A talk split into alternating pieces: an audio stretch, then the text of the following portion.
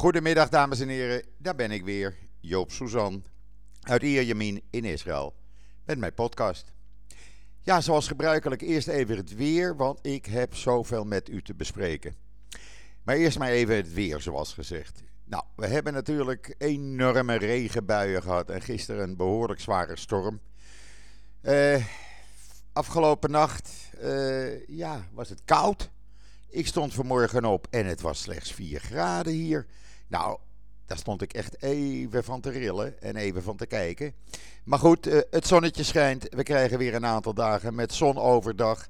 Het is op dit moment zo een graad of uh, 14. En als je in de zon loopt, is het best lekker en kan je dat ook zonder dik winterjek of sjaal af. Uh, de komende dagen, zoals gezegd, blijft het een beetje dit weer. Eind volgende week wordt er opnieuw behoorlijk veel regen verwacht.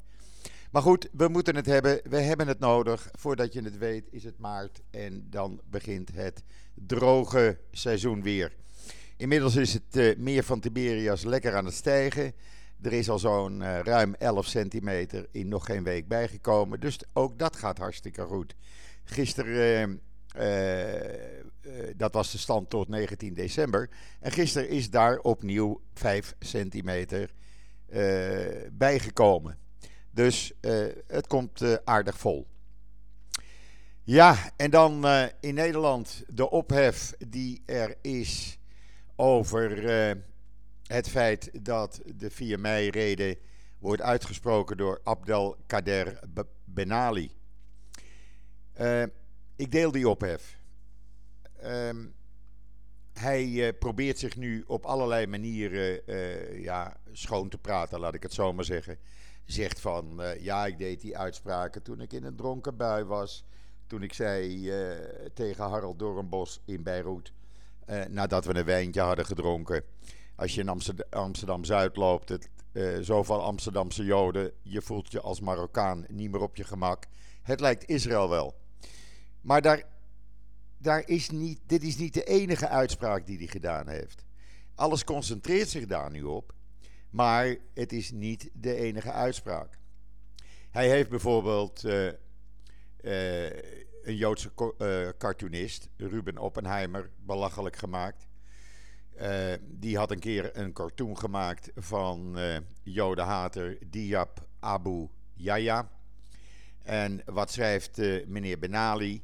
Die cartoonist, Oppenheimer dus, zou zich in de nazi-tijd werkelijk hebben uitgeleefd. Ja, eh, dit soort uitspraken, dat kan niet. Het kan niet zo zijn dat iemand die uh, anti-Joodse uitspraken doet, die Joden belachelijk maakt, die laat blijken dat als er veel Joden uh, in Amsterdam Zuid rondlopen, dat het Israël is. Zo ga je niet uh, een 4 mei-reden uitspreken. En ik begrijp het Nationaal Comité er uh, ook niet. Waarom doen ze dit? Is dit met moedwil? Zit er iets anders achter? Er zijn genoeg mensen die de oorlog hebben meegemaakt. Laat die die 4 mei voordracht doen. Laat die spreken over wat ze hebben meegemaakt. Laat die spreken over het feit dat ze tientallen familieleden zijn kwijtgeraakt die vermoord zijn in de concentratiekampen. Waarom moet het allemaal weer op een manier waarbij Joden weer gekrenkt worden? Het lijkt wel of Joden in Nederland zo langzamerhand, uh, ja, uh, alsof het mag, alsof het moet zelfs, uh, om Joden in de maling te nemen. En laat ik het maar plat zeggen, het in de zijk nemen van Joden, dat is geen Jodenhaat, dat noem ik antisemitisme. In mijn jeugd heb ik genoeg jodenhaat meegemaakt. Je werd altijd als jood uh, uh, bejegend. En ik pik dat niet meer. En of meneer Abdel Kader Benali nu zegt van ja, ik had een wijntje op, ik heb te veel gedronken. Sorry, dat is jammer voor je. Je hebt die uitspraken gedaan, ze blijven staan. En als jij daar op 4 mei een voordracht gaat houden, hebben veel Joden een hele rare smaak in de mond. Want het kan niet dat iemand die Joden haat, die uitspraken doet die krenkend voor Joden zijn, op 4 mei daar gaat staan spreken op de Dam in Amsterdam. Nogmaals, er zijn genoeg anderen die dat allemaal net zo goed kunnen. En dan nog zeggen van ja, ik heb veel Joodse vrienden. Ja, dat zeiden de oorlogsmisdadigers ook na de oorlog. Ja, ik heb veel Joodse vrienden. En die, ja, ik ken veel Joden. Dit soort uitspraken moet je namelijk helemaal niet doen. Door te zeggen van ik heb veel Joodse vrienden en ik ga veel met Joden om. Sorry, ik vind dit kan niet. Klaar. En ik roep het Nationaal Comité 4 en 5 mei op om een, iemand anders die voordracht te laten doen. En niet iemand die uh, uh, blijk geeft dat hij in ieder geval niet weet uh, hoe die gewone uitspraken over Joden kan doen. Zo, ik moest dat even kwijt. Ik loop daar al dagen mee. Als u gaat kijken trouwens op uh, JoodsNL, daar hebben we nog veel meer staan over meneer Benali. lees het artikel. het is al tienduizenden keren gedeeld. En dan weet u waar het om gaat. En dan, ja, in Nederland krijg je een avondklok vanaf morgenavond. En ik zie op social media opeens dat uh, daar grote bezwaren tegen zijn. Dat iedereen schijnbaar na half negen altijd naar buiten gaat, de straat op. Uh, mensen, doe het gewoon. Wij zitten hier in Israël al sinds eind december in een lockdown. Waarbij je niet verder dan een kilometer van je huis mag. 24 uur per dag. Dat is niet vergelijkbaar met een avondklok, zal u dan zeggen. Nee, maar het is veel erger. Want het feit dat je maar een kilometer van huis kan, betekent dat je bewegingsvrijheid maar beperkt is tot de omgeving rond waar je woont. En eh, voorlopig eh, tot de 31ste januari is dit weer verlengd. Eh, mogelijk zal het daarna ook nog verlengd worden. We zitten op dit moment nog steeds boven de 8000 besmettingen per dag. Alhoewel er is wel goed nieuws. Namelijk het feit dat uh, de R-waarde voor het eerst sinds oktober onder de 1 is gekomen. Dus hij staat nog te hoog. Hij staat op 0,99. Uh, dat is nog te hoog. Hij moet rond 0,8 staan. Maar we gaan in de goede richting. En dat komt alleen maar door die strenge lockdown die we hebben. En geloof me, het werkt. Een avondklok zal ook, ook werken. Natuurlijk, het is rot dat je je uh, vrienden en familie dan s'avonds niet kan zien. Maar die kan je dan overdag zien. Wij hier kunnen helemaal niemand zien, omdat je helemaal niet bij je huis vandaan kan. Ja, je kan boodschappen doen. Maar voor de rest, je bent, uh, je bent gebonden aan huis. Ik heb al maanden de kinderen niet meer gezien. Ik zie mijn vrienden niet. Uh, je beperkt je tot uh, telefoongesprekken, Zoomgesprekken. Ik kan niet naar mijn broers toe, hier in Israël. Het is nou eenmaal zo. We leven in een tijd waarin het, het coronavirus ja, eigenlijk min of meer bepaalt hoe je kan leven en hoe we kunnen leven. Het is natuurlijk wel zo dat er hier in Israël als een gek wordt gevaccineerd. Echt, geloof me, er zijn gisteren meer dan 200.000 mensen gevaccineerd. Uh, bijna 210.000. En men probeert naar 250.000 op een dag te komen. Daarnaast, uh, de officieel mogen alleen mensen boven, vanaf 40 jaar worden ingeënt. Maar ziekenfondsen zijn ook al begonnen om mensen van 35 jaar en ouder in te enten.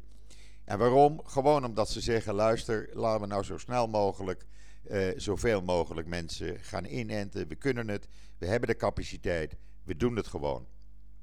U weet dat ik uh, afgelopen zondag mijn tweede vaccinatie heb ontvangen. Ik heb daar geen bijwerkingen bij gehad. Ik zeg dan nogmaals.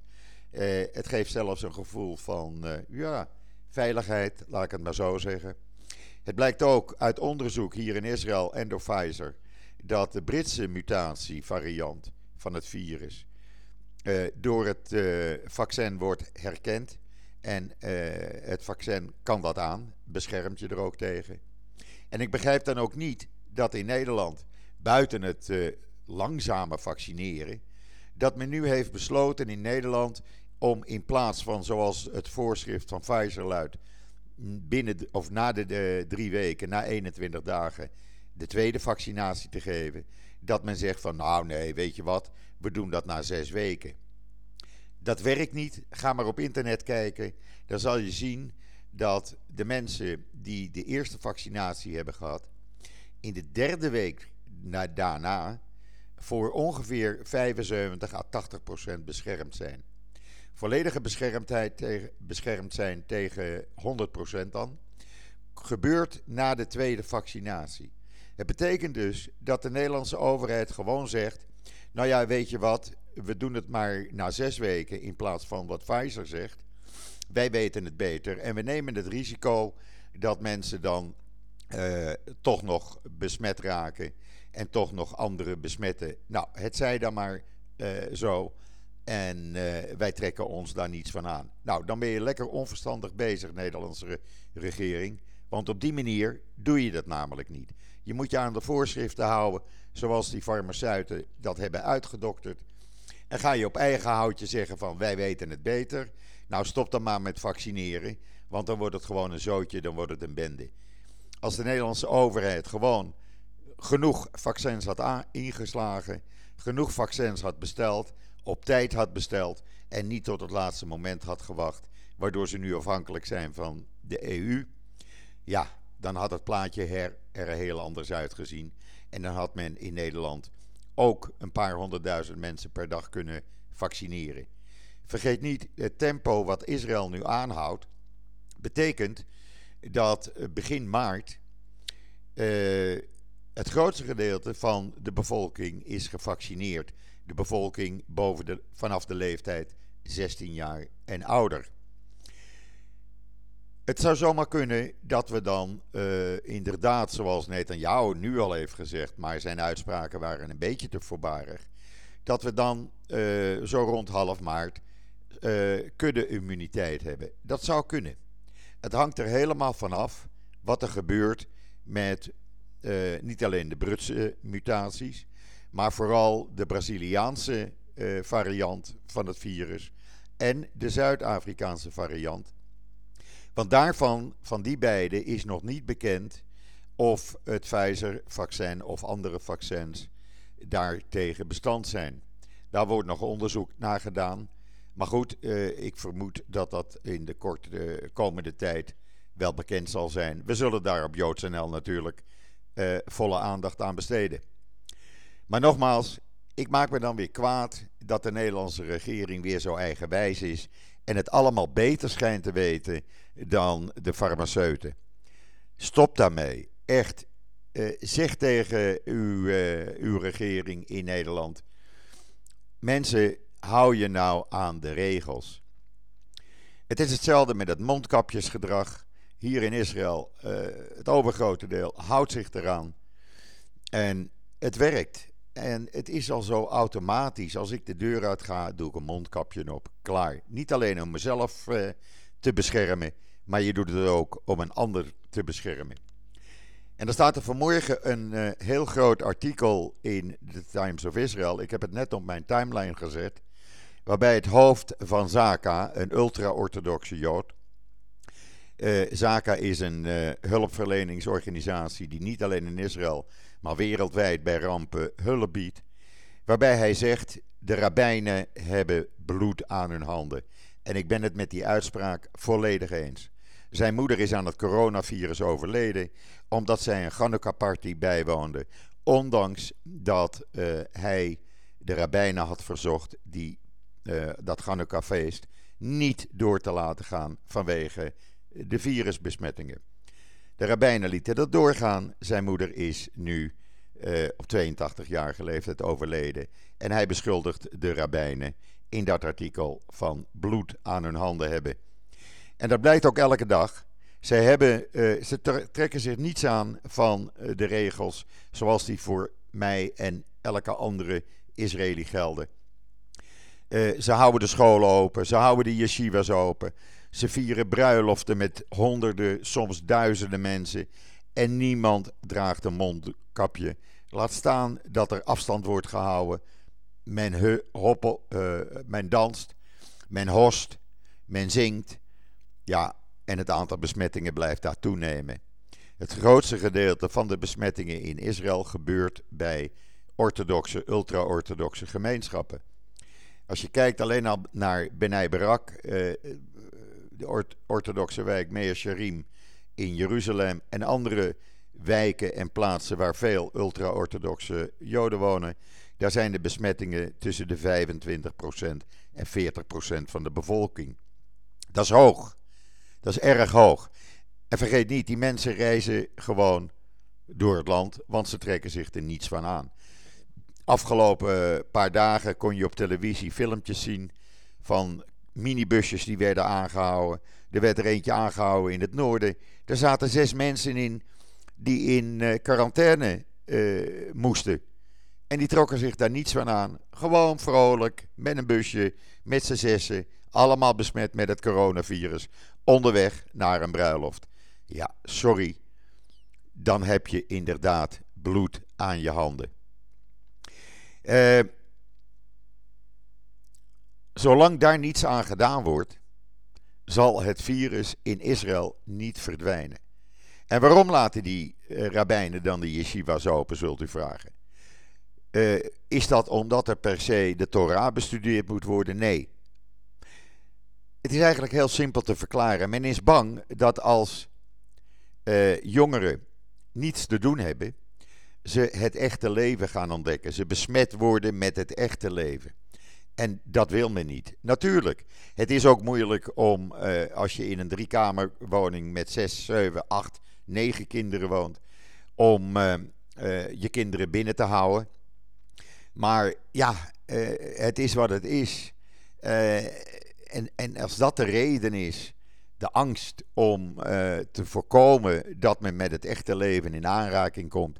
Sorry, we leven in het jaar 2100. 21. En uh, we leven niet meer in de middeleeuwen. Uh, ja, ook dat moest ik even kwijt. Uh, wat betreft het vaccineren nog even. Er is nu uh, ruim een kwart van de bevolking ingeënt. Dat gaat hartstikke goed. men staat in de rij, van s morgens vroeg tot s avonds laat. Ik had het van de week al gezegd, er zijn ook drive-in locaties waar je je kan laten inenten. Het is, gaat op zaterdag door, het gaat op vrijdagavond door. En ik begrijp niet dat dat in Nederland dus niet kan. Maar goed, het is wat het is. Ik, uh, ik woon hier. Uh, en ik heb, uh, ik heb de Israëlische regels te volgen. En dat zal ik dan ook doen. Wat wel erg is, dat het aantal mensen wat overlijdt aan het coronavirus erg oploopt. In de maand januari tot nu toe zijn er al vanaf 1 januari tot en met gisteren meer dan 800 mensen overleden. Dat is erg veel. En het gaat rap. Alleen al gisteren meer dan 20. En dat gaat elke dag zo door. En nogmaals, kom ik even terug op wat ik net zei. Veel van die mensen die aan het virus overlijden, zijn ook in de orthodoxe uh, gemeenschappen. Wat ook uh, toeneemt is het aantal patiënten wat in ernstige toestand in het ziekenhuis ligt. Dat zijn er meer dan 1100, waarvan er uh, meer dan 300 zijn aangesloten op beademing. Uh, het valt op dat er minder ouderen in het ziekenhuis liggen. Die hebben inmiddels hun tweede vaccinatie gehad. de meeste, 75% daarvan. En het steeds jongere patiënten zijn. nu 40ers, 30ers. Uh, ja, vandaar ook dat die ziekenfondsen zeggen: Weet je wat, laten we nou zo snel mogelijk iedereen gaan inenten, zolang we genoeg vaccins hebben. Nou, die vaccins die zijn er.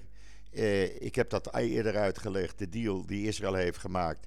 Uh, stuur ons regelmatig vaccins, wekelijks vaccins. Jullie krijgen dan alle data. Nou, dat werkt. Daarnaast betaalt Israël ook wat meer. 30 dollar. Per, per dosis. Maar goed, het werkt. En Israël is dus, uh, heeft dus voldoende vaccins. Uh, tegen eind januari komen, komen ook de vaccins van Moderna hier naartoe. En kunnen we ook daarmee uh, gaan inenten. Dus het loopt als een speer, het loopt als een trein, als een goed geoliede machine. En het kan een voorbeeld zijn voor Nederland, eh, om maar niet te spreken voor andere landen. Ja, natuurlijk. Eh, en dan kom ik weer even terug op waar ik mee begon. Het is, eh, het is rot om constant thuis te zitten. Het is rot om niet je vrienden, familie en eh, kennissen te zien.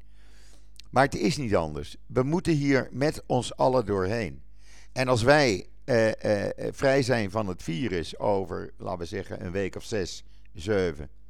Ja, en in Europa is nog steeds het virus aan het rondtieren. Ja, dan kan ik nog niet naar, eh, naar Nederland toe. Dan kan ik nog eh, geen vliegreizen naar andere landen maken. Want ja, eh, gaat Nederland mijn groene paspoort accepteren? Ik zou het niet weten. En wat is het risico als ik daar dan rondloop? Men zegt, je kan altijd nog het virus krijgen, maar dan in een lichte vorm. Een soort verkoudheid wordt het dan. Nou, ik heb het liever niet. Dus ik wil liever overal van verschoond blijven. Dus het betekent dat het hartstikke belangrijk is dat ook uh, andere landen zorgen dat ze het virus onder bedwang hebben. En dan even wat heel anders. Er is hier een, uh, een kleine rel uitgebroken na de uitspraak van het Israëlische Hoge Rechtshof dat bezoekers van ziekenhuizen tijdens Pesach, wat nu weer eind uh, maart voor de deur staat, brood mogen meenemen. En dan zult u zeggen, ja, maar in Israël met Pesach wordt toch alleen maar matzes uh, gegeten. Nou, dat is ruim 70% van de bevolking die dat doet. Er zijn uh, genoeg Joodse uh, mensen die dat niet doen. Ik doe het wel, maar ik heb er altijd moeite mee. En ik ben blij als het voorbij is. Maar er zijn ook mensen die christen zijn, Arabieren. Nou, die moet je toch kunnen toestaan om brood naar hun familieleden mee te nemen.